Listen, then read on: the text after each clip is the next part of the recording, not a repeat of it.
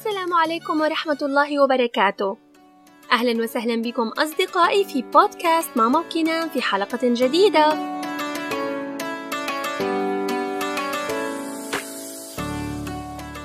حلقتنا لليوم مميزة جدا. سنتحدث فيها عن شهر فضيل سيطل علينا في الأيام القريبة القادمة. هل عرفتم عن أي شهر سنتحدث؟ أعتقد أن كثيرا من الناس في هذه الأيام مشغولون بالتحضير لهذا الشهر الكريم. من تحضير لتزيين البيت وترتيب بعض الأمور وكتابة قائمة الأعمال لهذا الشهر. وكذلك كنان وريان وأنا. فقد قمنا بتحضير كثير من الأمور وتزيين البيت استعدادا لشهر الرحمة والمغفرة شهر رمضان المبارك. وفي أثناء ذلك التحضير كان لدى كنان وريان الكثير من التساؤلات والاستفسارات عن هذا الشهر فما رأيكم أن نستمتع جميعا بالاستماع لقصة هذا الشهر الرائع؟ كم أنا مستمتع في تجهيز زينة رمضان ولكن أريد أن أعرف آه، أكثر عن هذا الشهر فما هو شهر رمضان يا أمي؟ أيام قليلة تفصلنا عن شهر رمضان الكريم يا كنان. شهر رمضان هو أحد أشهر السنة الهجرية أي القمرية، وهو الشهر التاسع من هذه السنة. يأتي بعد شعبان ويليه شوال. وفي السنة الهجرية 12 شهرًا، أي 354 يومًا تقريبًا. وهي أقصر من السنة الميلادية وهو شهر الصيام كما أنه الشهر الذي أنزل فيه القرآن. يبدأ شهر رمضان برؤية هلال رمضان ومدته تسعة وعشرون يوما أو ثلاثون يوما. وينتهي برؤية هلال شوال وتأتي في هذا الشهر الكريم ليلة القدر المباركة. وما هي ليلة القدر؟ ليلة القدر هي ليلة وترية. أي فردية. تأتي في الأيام العشرة الأخيرة من شهر رمضان. وهي ليلة مباركة.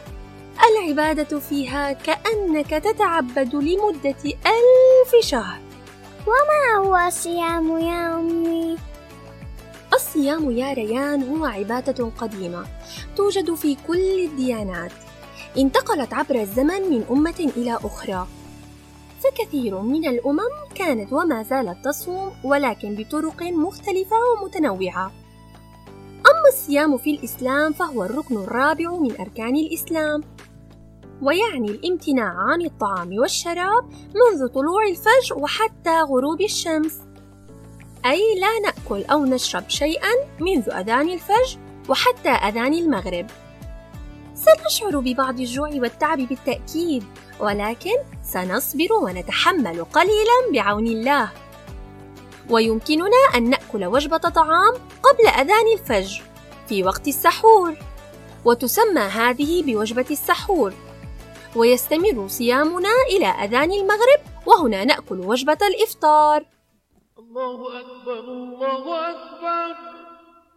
الله أكبر الله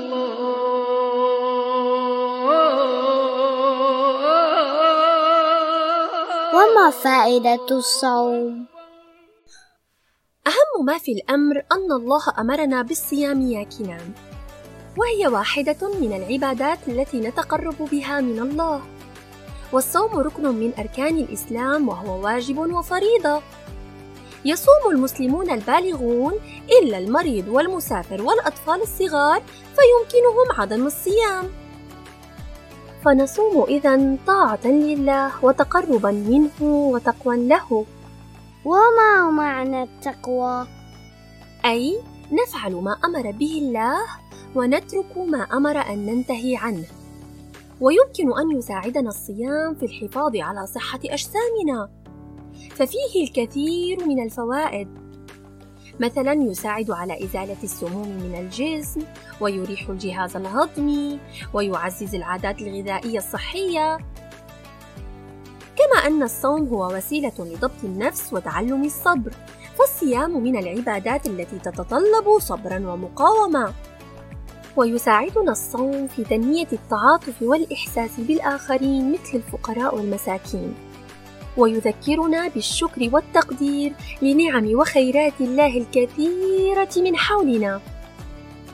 وهذا الشهر هو أفضل وقت لتنقية السلوك. كيف ذلك؟ شهر رمضان والصيام يدربانا على السلوك الحسن. فالصيام ليس فقط الامتناع عن الطعام والشراب وإنما هو أيضا الامتناع عن بعض الأمور الغير جيدة. مثل الكلام البذيء والسيء الغيبة والنميمة الأذى والإساءة للآخرين والكثير من السلوكيات السيئة. فهو شهر الرحمة والمحبة والتسامح والطاعات. لذلك يفرح المسلمون كثيرا بقدومه ويسارعون فيه إلى الخيرات والطاعات والعبادات لما فيه من ثواب وأجر كبيرين. مثل ماذا؟ ولماذا سمي بشهر الرحمة والخير؟ تأكد يا كنان أن الله يحب أعمال الخير طوال السنة إلا أن هناك أياما مباركة يحب الله أن نكثر فيها العبادات والطاعات وعمل الخير ومن هذه الأيام شهر رمضان المبارك فبالإضافة إلى الصيام والإكثار من قراءة القرآن والصلاة والدعاء والصدقة فهناك الكرم والجود ومساعدة الفقراء والمحتاجين وزيارة الأهل والأقارب. فالإفطار مع الجد والجدة أمر رائع جدا لا يمكن الاستغناء عنه في رمضان وله طعمه المميز. وإذا لم يكن بالإمكان زيارتهم فيمكننا الاتصال بهم هاتفيا أو مكالمة فيديو عبر الإنترنت. فهذا سيجعلهم سعداء جدا. فهو شهر الخير واللمة وتجمع العائلة والأحباب. والأجمل من ذلك هو مساعدة أمي في تحضير مائدة الإفطار وإعداد الطعام والشراب معها. لابد أن ماما ستكون متعبة في تحضير كل هذا وهي صائمة. فكم ستكون سعيدة بهذه المساعدة؟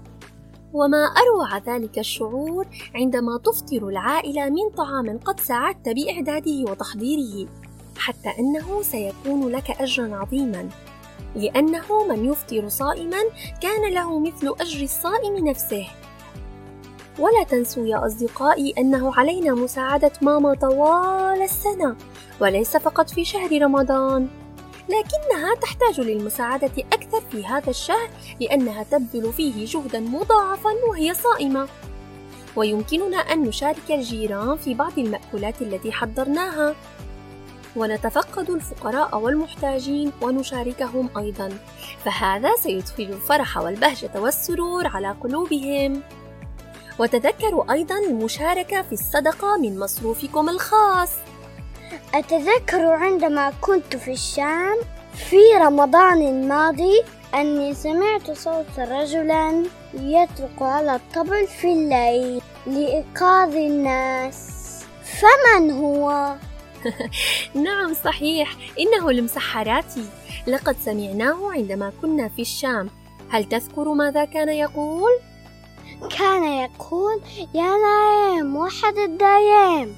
قوموا على سحوركم إجا رمضان يزوركم. بالضبط.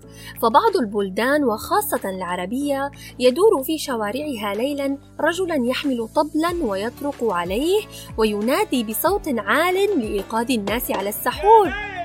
وهي وجبة الطعام التي تكون قبل أذان الفجر بساعة أو أكثر. وهل تعرفون يا أصدقائي أن المسحرات له عدة أسماء في البلدان العربية؟ ففي بلاد الشام يسمى أبو طبلة وفي مصر يسمى المسحراتي وفي المغرب يسمى النفار. أما في العراق فيسمى أبو السحور وفي السعودية يسمى أبو طبيلة. وأنتم يا أصدقائي ماذا يسمى في بلدكم؟ أنا أحب أمسح حواتي كثيرا. نعم جميل جدا. كما أنه يذكرني بطفولتي التي كنت أنتظر فيها قدوم المسحرات كل يوم كي أسلم عليه من نافذة غرفتي. كم جميل هذا الشهر يا أحبتي. ببركته وعظمته وصيامه وخيراته وأجره. ففيه أيضا عادات وتقاليد جميلة فكثير من البلدان تتزين شوارعها وأسواقها احتفالا بقدوم هذا الشهر الرائع وترى في أسواقها وبيوتها أكلات رمضانية خاصة مثل خبز رمضان، لقمة القاضي، القطايف، السمبوسة، الفتات، والتمر الهندي والجلاب. كما يتميز كل بلد بعادات وطريقة احتفال خاصة. فتجد في دول الخليج مثلا يحتفلون بقدوم رمضان بما يسمى بالقرقيعان ففيه يدور الأطفال بالأزياء الشعبية وينتقلون من بيت إلى بيت ينشدون ويطلبون حلوى القرقيعان ويضعونها في أكياس من قماش ويعلقونها في رقبتهم. أما مصر فتشتهر بفانوسها الرمضاني. فأول من عرف فانوس رمضان هم أهل مصر. ويعود تاريخه إلى عهد الدولة الفاطمية. وفي سوريا تنتشر أيضا عبارات الترحيب بشهر رمضان على أوراق الزينة في الأسواق والشوارع. والعادة المستمرة حتى الآن في سوريا هي إطلاق مدفع الإفطار. كما يتم تبادل أطباق الطعام على الإفطار في رمضان بين الجيران. وأما تركيا فهي تتميز بظاهرة المحيا. وهي احتفالية كبيرة تقام في منطقة السلطان أحمد حيث يضاء سبعة وسبعون ألف مسجد منذ المغرب وحتى صلاة الفجر. وتظل المساجد مضاءة من صلاة المغرب وحتى صلاة الفجر طوال شهر رمضان. الحمد لله على هذه النعم والخيرات الكثيرة. أنا أنتظر شهر رمضان بفارغ الصبر. وأحب هذا الشهر لأني أذهب فيه إلى المسجد مع أبي لصلاة التراويح. صحيح. في هذا الشهر الفضيل تعمر المساجد والبيوت بالصلوات وذكر الله ومنها صلاة التراويح وهي الصلاة التي تأتي بعد صلاة العشاء ويبدأ وقتها من بعد صلاة العشاء حتى صلاة الفجر. ومتى ينتهي هذا الشهر؟ ينتهي شهر رمضان بظهور هلال العيد أي هلال شهر شوال ويتم الاحتفال بعيد الفطر وهكذا ينتهي الصيام ويبدأ شهر شوال وما هو عيد الفطر؟ سؤال رائع يا ريان ما رأيك أن نتحدث عن عيد الفطر في حلقتنا القادمة مع الأصدقاء؟ أما الآن ما رأيكم في معلومات اليوم عن شهر رمضان؟ هل أعجبتكم؟ وما رأيكم أن نبدأ بكتابة قائمة الأعمال التي سنقوم بها؟ بالطبع يا أمي بكل حماس وأنتم يا أصدقائي هل فكرتم بهذه القائمة؟ أخبروني وأرسلوا لي بعض الأفكار من هذه القوائم حتى تعم الفائدة ونشاركها مع الجميع. إلى هنا نكون قد وصلنا إلى ختام هذه الحلقة وكل عام وأنتم بألف خير. إلى اللقاء مع السلامة.